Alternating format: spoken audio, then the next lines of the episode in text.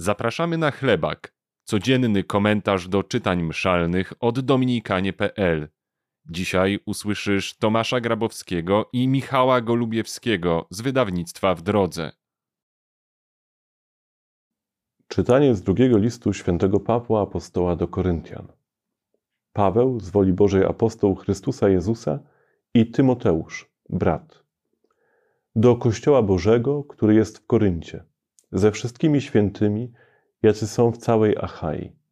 Łaska wam i pokój od Boga, Ojca naszego i Pana Jezusa Chrystusa. Błogosławiony Bóg i Ojciec Pana naszego Jezusa Chrystusa, Ojciec miłosierdzia i Bóg wszelkiej pociechy. Ten, który nas pociesza w każdym naszym ucisku, byśmy sami mogli pocieszać tych, co są w jakimkolwiek ucisku, tą pociechą, której doznajemy od Boga. Jak bowiem obfitują w nas cierpienia Chrystusa, tak też wielkiej doznajemy przez Chrystusa pociechy.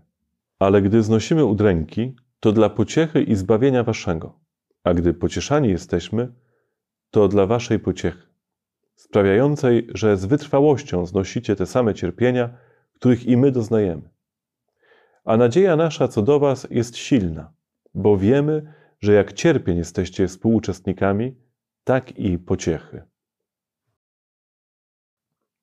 Drugi list do Koryntian zaskakuje już w pierwszym zdaniu. Mianowicie okazuje się, że to nie jest list tylko świętego Pawła Apostoła, ale że Paweł pisze go wraz z Tymoteuszem. Wprost mówi o tym, że razem są autorami tego listu. Czy to jest ważne? Wydaje mi się, że tak. Tymoteusz był uczniem świętego Pawła. I oto dochodzą do momentu, kiedy są już partnerami, współtworzą głoszenie Ewangelii, czy właśnie pisanie listu do Koryntian. Nauczyli się w tej wspólnej pracy dzielić jej owocami. Wiecie, jak to jest? Kiedy się z kimś pracuje, kiedy się z kimś przeżywa jakąś wspólną historię, no to trzeba się dotrzeć. Trzeba gdzieś poskromić zazdrość, nauczyć się drugą osobę doceniać, jakoś wywyższać nawet ponad siebie, właśnie w tym wszystkim, w czym ona jest mocniejsza, lepsza, mądrzejsza, w czym działa. A jednocześnie też nie być zawstydzonym wtedy, kiedy niesie się jakieś dobro, kiedy się jakieś dobro tworzy. Tego się już nauczyli Tymoteusz i Paweł. Już teraz mogą działać razem. Jednocześnie chcą poszerzyć krąg. Chcą zbudować wspólnotę z Koryntianami. To długa historia i pewnie do niej jeszcze wrócimy, ale y, zauważmy to na samym początku, że oni do tej swojej wspólnoty, tego tandemu, który tworzą, zaczynają wciągać kolejne osoby. Nie są samolubni w przyjmowaniu Bożej łaski. Przeciwnie, chętnie się dzielą. I cała logika tego pierwszego akapitu e, w liście do Koryntian jest właśnie taka. Doświadczamy czegoś od Boga po to, żebyście wy tego mogli doświadczyć. Otrzymujemy coś od Boga po to, żeby wam przekazać. Dostaliśmy, dlatego dajemy. Nie zachowujemy tego dla siebie, nie jesteśmy samolubni, e, czy to w tej miłości, którą przeżywamy, czy w pociesze, której, którą przeżywamy.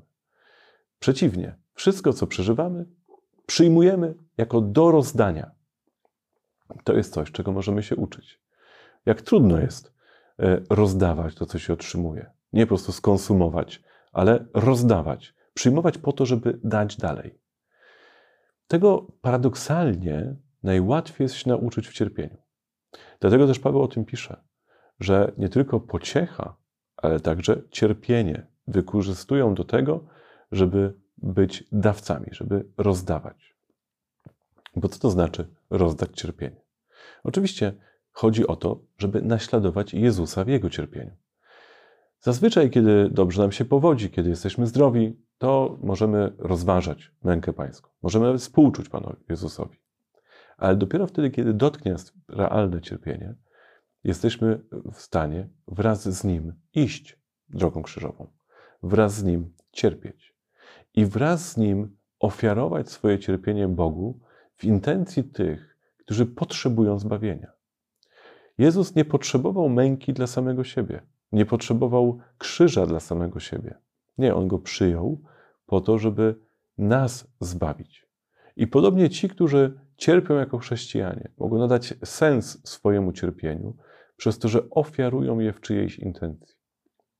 I właśnie dlatego, wtedy, kiedy dotknie nas smutek, jakieś, jakieś doświadczenie, e, właśnie jakaś choroba, dobrze jest wraz z Jezusem, na Jego wzór, powiedzieć: Panie Jezu, przyjmuję to ze względu na moich bliskich i proszę o ich zbawienie. Niech to cierpienie będzie dla nich owocne. Niech ta moja ofiara będzie dla nich jakąś, jakąś prośbą za nich, jakąś, jakąś właśnie jakimś darem z mojej strony dla Ciebie. Nie będę się buntować, nie będę się zrzymać, ale przyjmuję to, co mnie spotyka, po to, żeby móc ofiarować moje cierpienie wraz z Chrystusem. I wtedy też, kiedy spotyka nas, kiedy w takiej postawie się e, ćwiczymy, to wtedy, kiedy będzie spotykać nas radość, szczęście, łatwiej nam będzie dopuścić kolejne osoby do szczęścia, które otrzymujemy, do łaski, którą otrzymujemy. I w tym będziemy coraz bardziej przypominać Chrystusa, który jako Bóg jest czystym dawaniem, jest tym, który istnieje dla swojego Ojca i do tego, żeby oddawać się Jemu. W tym sensie będziemy przypominać Boga, że będziemy potrafili też samych siebie oddawać i w radości, i w smutku.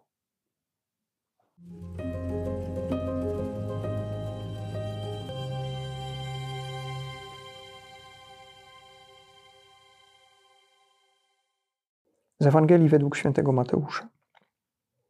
Jezus, widząc tłumy, wyszedł na górę, a gdy usiadł, przystąpili do niego jego uczniowie. Wtedy otworzył usta i nauczał ich tymi słowami: Błogosławieni ubodzy w duchu, albowiem do nich należy Królestwo Niebieskie. Błogosławieni, którzy się smucą, albowiem oni będą pocieszeni. Błogosławieni cisi, albowiem oni na własność posiądą ziemię. Błogosławieni, którzy łakną i pragną sprawiedliwości, albowiem oni będą nasyceni. Błogosławieni miłosierni, albowiem oni miłosierdzia dostąpią. Błogosławieni czystego serca, albowiem oni Boga oglądać będą. Błogosławieni, którzy wprowadzają pokój, albowiem oni będą nazwani synami Bożymi. Błogosławieni, którzy cierpią prześladowanie dla sprawiedliwości, albowiem do nich należy Królestwo Niebieskie. Błogosławieni jesteście, gdy wam urągają i prześladują was, i gdy z mego powodu mówią kłamliwie wszystko złe o was. Cieszcie się i radujcie, albowiem wielka jest wasza nagroda w niebie. Tak bowiem prześladowali proroków, którzy byli przed wami. W tradycji Kościoła jest stwierdzenie, że łaska jest zapoczątkowaniem chwały. To, co w nas jest zapoczątkowane E, przez łaskę, przyrodzona miłość, dary Ducha Świętego e, dopełni się w chwale nieba. Łaska jest podobna do, do sadzonki drzewa, które zaowocuje w pełni e, w przyszłym życiu. I to owocujące drzewo to jest, jest coś więcej niż sadzonka, a jednocześnie jest, jest ciągłość pomiędzy sadzonką a, a tym drzewem obsypanym owocami. I to twierdzenie o łasce i chwale y, mówi nam coś o tajemnicy błogosławieństw, które słyszymy dzisiaj w Ewangelii. One zaczynają się od słów błogosławieni, to znaczy szczęśliwi. Y, mówią o szczęściu ubogich, smutnych, cichych, pragnących sprawiedliwości, miłosiernych, wprowadzających pokój, cierpiących prześladowanie dla sprawiedliwości. To szczęście zaczyna się w pewien sposób teraz. Można być prześladowanym czy ubogim, a jednocześnie czuć duchowy pokój i pewien rodzaj radości, pewien rodzaj, w pewien sposób być szczęśliwym. Mm, ale to jest jak sadzonka, która w niebie ukaże e, swoje dojrzałe owoce.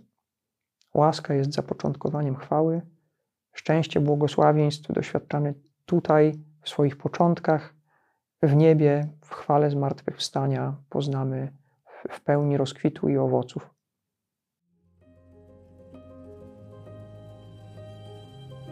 Podobać się to, co robimy? Zostaw lajka lub komentarz.